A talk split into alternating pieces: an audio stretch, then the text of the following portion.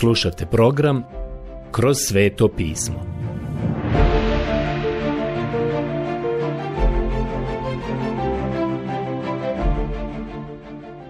Knjiga Evanđelje po Ivanu. Odlomak Evanđelje po Ivanu, poglavlje 17, od 2. do 26. stiha. Prijatelji, razmatramo takozvanu gospodnju molitvu. Ovo je molitva koju je gospod Isus molio. On ovdje kaže, jer ti si mu dao vlast nad svakim tijelom, da svima koje si mu dao dade vječni život. Evanđelje po Ivanu 17.2 Usput, ovo je jedna zapanjujuća izjava. On ima vlast i moć nad svakim tijelom. Bog bi mogao već danas zapravo gospod Isus bi mogao učiniti da ovaj mali svemir u kojem vi i ja živimo i svaki pojedinac u njemu, da mu se svi poklone. Mogao bi ih sve dovesti u pokornost sebi i od svih nas napraviti robote. Ali to je posljednje što on želi. On ima moć nad svakim tijelom, ali vidite da je crkva dar Božje ljubavi Kristu. Taj dar Božje ljubavi Kristu jeste crkva.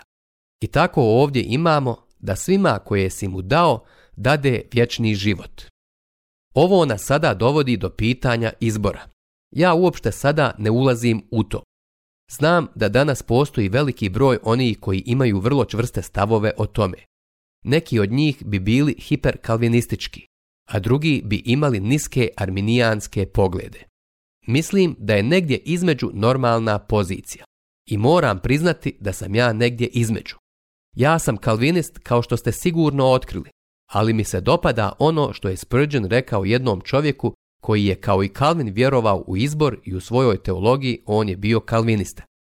Taj čovjek je došao gospodinu Spurgeonu i rekao da vjerujem kao ti, ne bih propovjedao kao ti.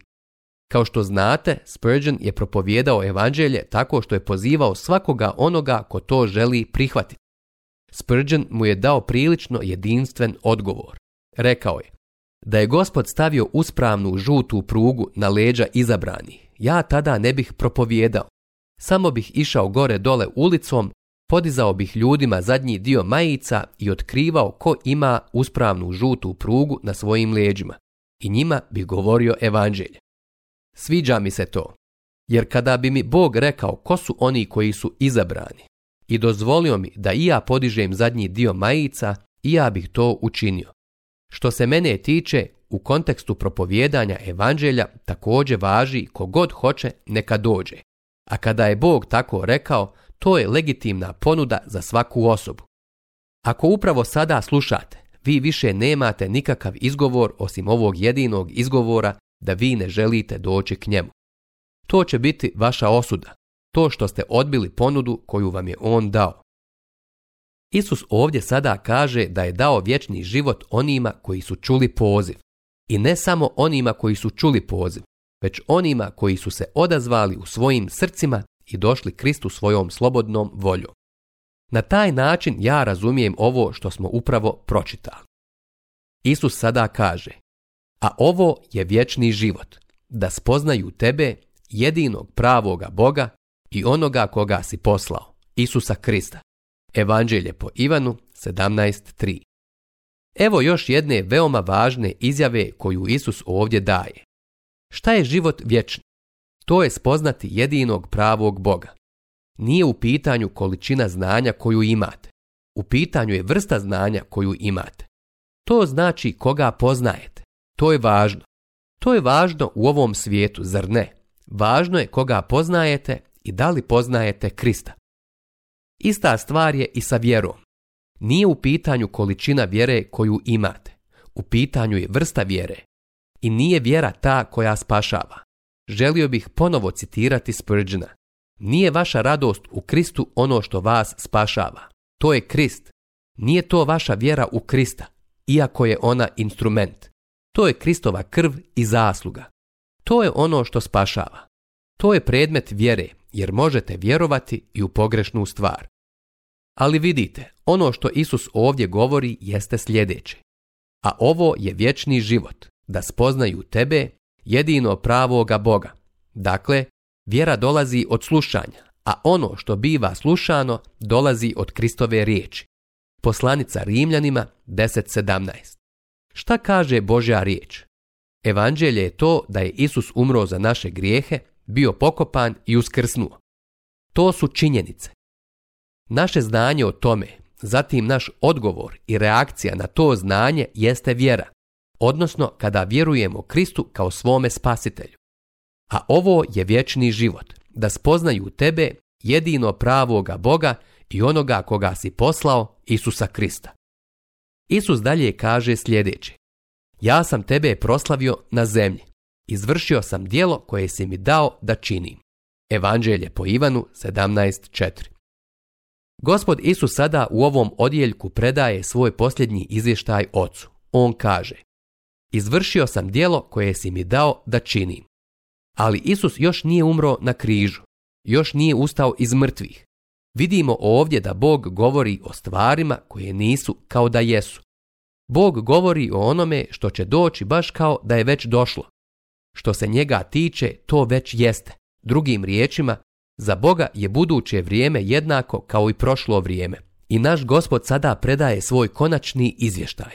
On kaže, izvršio sam dijelo koje si mi dao da čini. Kasnije je na križu rekao, dovršeno je, na grčkom jeziku tetelestai, evanđelje po Ivanu 19.30. Dovršeno je. Tada je predao svoj konačni izvještaj ili dao izjavu da je dovršeno. A to znači da je vaše i moje iskupljenje dovršeno. A ako je dovršeno, onda možete staviti tačku. Ni vi ni ja ne možemo dodati ništa tome. On je već učinio sve što je bitno. Stoga, evanđelje i spasenje nisu ono što Bog od vas traži. Bog vam govori šta je već učinio za vas, a vaša reakcija i vaš odgovor na to će vas spasiti. Molim vas, zapazite sada peti stih. A sada proslavi ti mene oče kod sebe slavom koju sam imao kod tebe prije nego je postao svijet. Evanđelje po Ivanu 17.5 U poslanici Filipljanima govori se o činjenici da je Isus ispraznio sebe. I naravno, oni koji poriču Kristovo božanstvo uhvatili su se za tu izjavu u drugom poglavlju poslanice Filipljanima i rekli su da je on ispraznio sebe od svog božanstva. Pa nije. Ivan vrlo jasno govori u ovom evanđelju, riječ je tijelom postala. To malo djetešce koje leži na Marijinim grudima je Bog i on je mogao svojom riječju uništiti ovaj svemir. On nije bio 99,44% Bog. Bio je 100% Bog. Od čega se onda Isus ispraznio? Ja mislim da se on lišio svojih povlastica božanstva. Mislim da je on ostavio svoju slavu po strani. U vrijeme Božića mi naglašavamo da su pastiri došli i da su anđeli bili tamo, te da se nekoliko mjeseci kasnije pojavilo i nekoliko mudraca. Prijatelj, nije tako trebalo biti. On je gospod slave. Sva kreacija, sva stvorenja su trebala biti tamo. Svako ljudsko biće koje hoda po zemlji je trebalo biti tamo povodom tog događaja. Zapravo, prisjetit ćete se kada je pokopan francuski general de Gaulle. Na njegov sprovod došli su francuzi iz cijele Francuske. Zbog toga što je on bio znameniti francuz i francuzi su ga poštovali.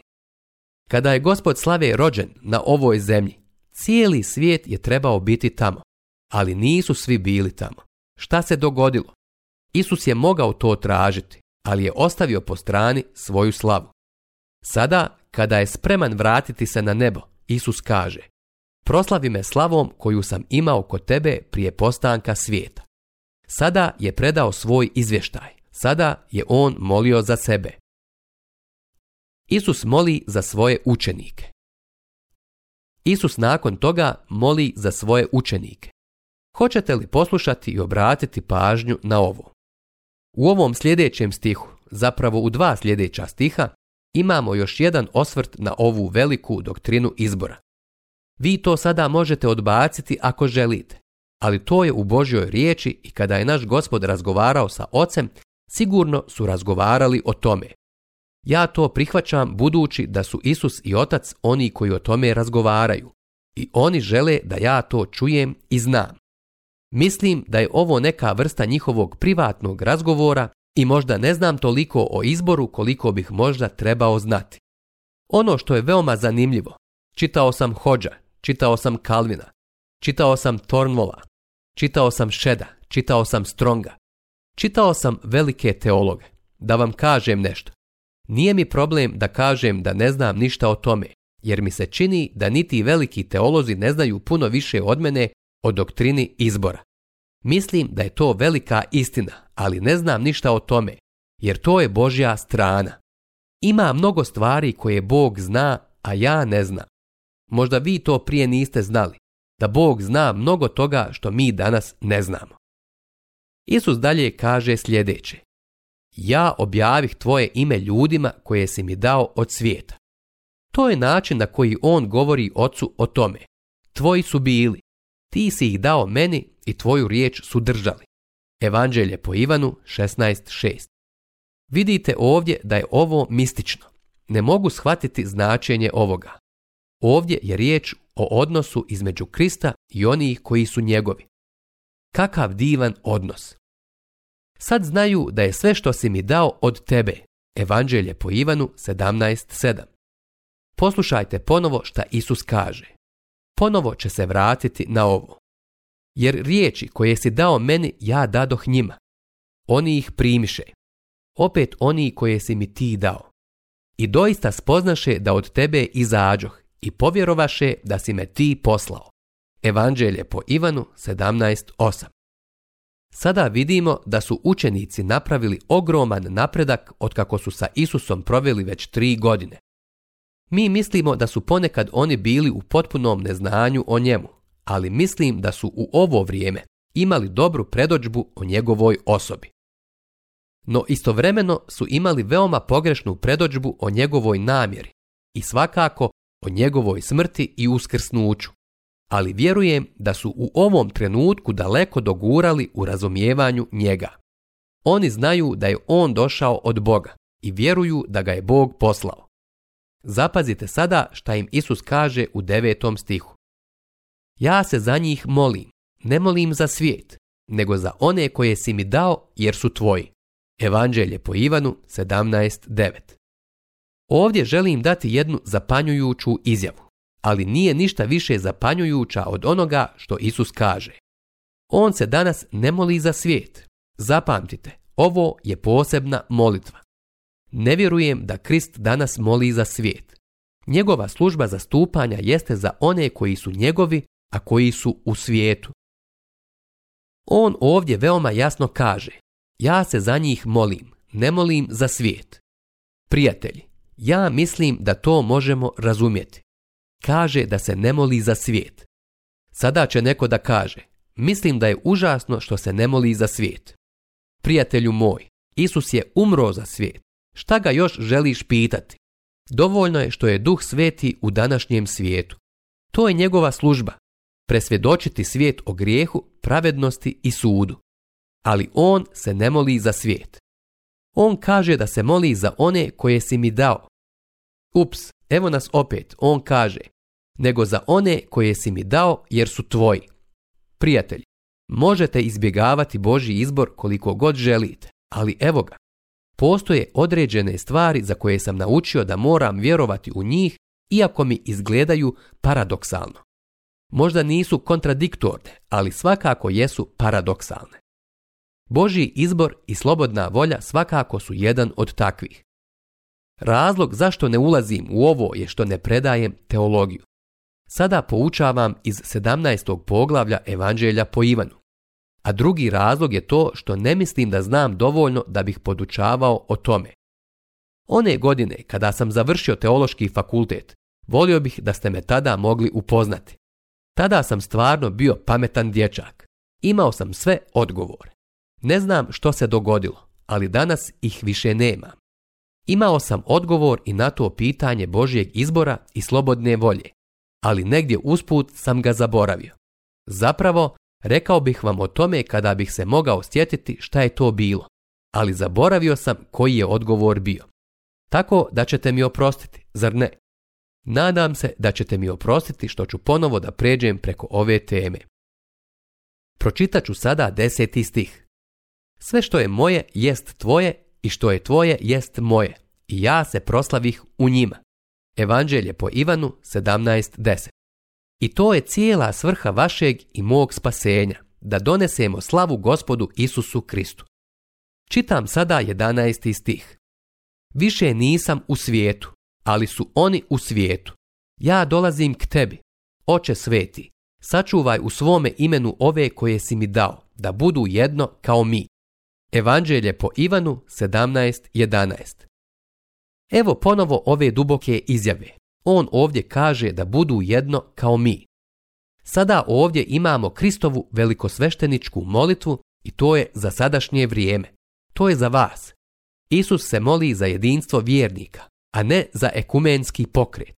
Ne moli se da se svi pridruže istoj organizaciji. On kaže da budu jedno kao mi. To je organsko jedinstvo koje samo Bog može načiniti. I za početak želim nešto da kažem, ali dobro, Doći ću na to za samo nekoliko trenutaka. Hoćete li sada poslušati šta Isus kaže i kako se moli? Dok sam bio s njima, čuvao sam u tvome imenu ove koje si mi dao i sačuvao ih. I nitko od njih ne propade, osim sina propasti, da se ispuni pismo. A sad k tebi dolazi i ovo govorim dok sam još u svijetu, da imaju moju radost u punini. Ja sam im predao tvoju riječ a svijet ih zamrzi jer nisu od svijeta, kao što ni ja nisam od svijeta. Evanđelje po Ivanu 17 od 12 do 14. Vidite, Božji svijet je ono što uzrokuje probleme današnjem svijetu. Poučavam iz najrevolucionarnije knjige koja postoji na svijetu. Poučavam iz Biblije. Prijatelj, propovijedam najrevolucionarniju stvar na svijetu, a to je da se ne možete sami spasiti. Samo vas Krist može spasiti. Također, ne možete ovaj svijet učiniti boljim i nikoga ne može učiniti boljim osim Isusa Krista. To je revolucionarno. A to se danas ne sviđa ovom svijetu, jer danas ljudi žele posaditi i cvijet i raditi na ekologiji i čišćenju od zagađenja. Ali sve što rade jeste da samo još više zagađuju. Čovjek je odgovoran za zagađenje ali najgore zagađenje je ono u ljudskom srcu. To je revolucionarno. To nije ono što danas čujete na TV-u ili čitate u časopisima. Koliko je samo ovo važno.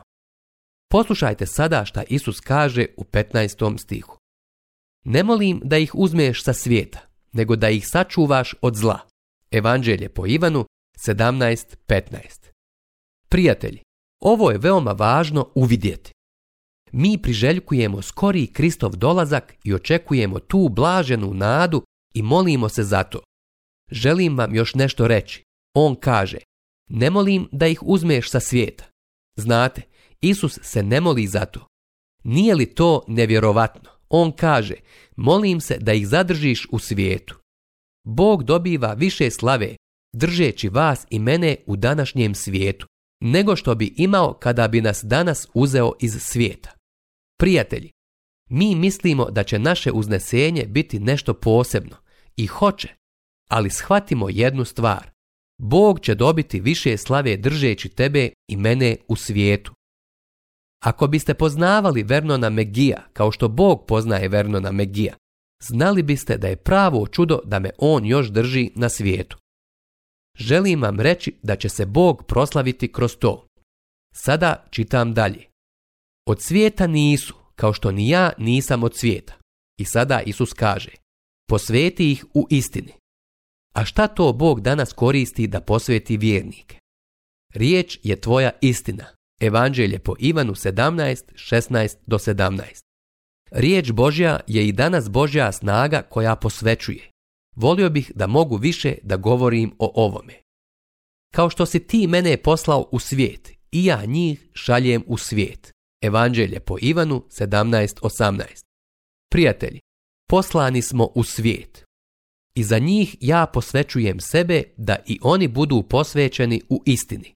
Evanđelje po Ivanu 17.19. Prijatelji, Isus se poistovjećuje sa nama. I mi bismo se trebali poistovjetiti sa njim u ovom današnjem svijetu. Isus moli za svoju crkvu. Poslušajte sada Isusa. On ovdje kaže nešto drugo. Sada se moli za crkvu. Posebno za vas i za mene. Poslušajte ga. Čitam 21. stih. Da svi budu jedno kao što si ti, oče, u meni i ja u tebi. Da i oni u nama budu jedno. Da povjeruje svijet da si me ti poslao. Evanđelje po Ivanu 17.21 Želite li znati zašto ja ne vjerujem u ekumenski pokret? Ukratko, to je zbog ovoga. Čuo sam kako se govori. Okupimo se svi i odgovorimo na ovu Kristovu molitvu. Da li je ikada Isus molio vas i mene da se ujedinimo? Nikada to nije učinio. Mogu vam reći da je to takvo jedinstvo koje samo On može realizovati. To je jedinstvo koje Duh Sveti čini kada vas postavi u tijelo vjernika. I to je krštenje u Duhu Svetom koje vas i mene stavlja u tijelo vjernika. Prijatelji, vi ne možete sami napraviti to jedinstvo. Nacionalno i svjetsko vijeće crkava jednostavno ne mogu napraviti to jedinstvo. Samo Krist može napraviti takvo jedinstvo. Upravo ona grupa ljudi koja danas govori o jedinstvu i o ekumenskom pokretu, baš su oni ti koji su podijelili crkvu. Crkva se sastoji od onih koji su u tijelu vjernika, a mogu se sjediniti samo u osobi Isusa Krista. On nije nama uputio tu molitvu za jedinstvo. Prijatelji, važno je da razumijemo da Bog uvijek čuje Isusovu molitvu. Želite li nešto znati? Svi vjernici su jedno u Kristu. Njegova molitva je već uslišana. Ne morate pripadati istoj organizaciji kojoj ja pripadam, iako ja ne pripadam ni jednoj mogu vam reći da je najvažnije biti pridružen živom Kristu. To je ono što je tako bitno. Isus sada kaže sljedeće. Ja u njima i ti u meni. I ovo je divna stvar. Samo duh Božiji to može učiniti. Da budu savršeno jedno i da spozna svijet da si me ti poslao i da si ih ljubio kao što si mene ljubio. Evanđelje po Ivanu 17.23 Isus kaže, i da si ih ljubio kao što si mene ljubio. Znate, Bog nas danas voli baš kao što voli gospoda Isusa Krista. Kako je to divno! Moje vrijeme je isteklo i ja moram završiti nakon 25. stiha. Oče pravedni, svijet te ne spozna. Prijatelji, ovo je tačna izjava. Svijet ne poznaje Boga. A ja te spoznah i ovi spoznaše da si me ti poslao. Evanđelje po Ivanu 17.25. Isus ovdje priznaje i prihvata svoju misiju otkupljenja. Svako ko je vjernik zna da je Bog poslao Krista u svijet da umre za naše grijehe. Isus dalje kaže I objavio sam im tvoje ime i objavit ću još da ljubav kojom si mene ljubio bude u njima i ja u njima. Prijatelji, mi se trebamo moliti da ljubav bude u našim srcima. Ovo je gospodnja molitva. Danas ću završiti na ovom mjestu. Sljedeći put ćemo nastaviti obrađivati 18. poglavlje.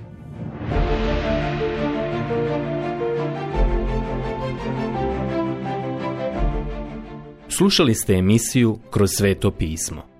Možete nas slušati i na našem YouTube kanalu putem mobilne aplikacije te na svim glavnim podcast platformama kao što su Google, Apple i Spotify. Ako vam se naši programi dopadaju, preporučite ih i podijelite s drugima. Budite slobodni da ostavite svoj komentar ili nam pišite na našu e-mail adresu kroz svetopismo.bih at gmail.com Zapratite našu stranicu kroz sveto pismo BiH na Facebooku i na Instagramu Emisije iz ove serije možete pronaći na našoj stranici ttb.twr.org.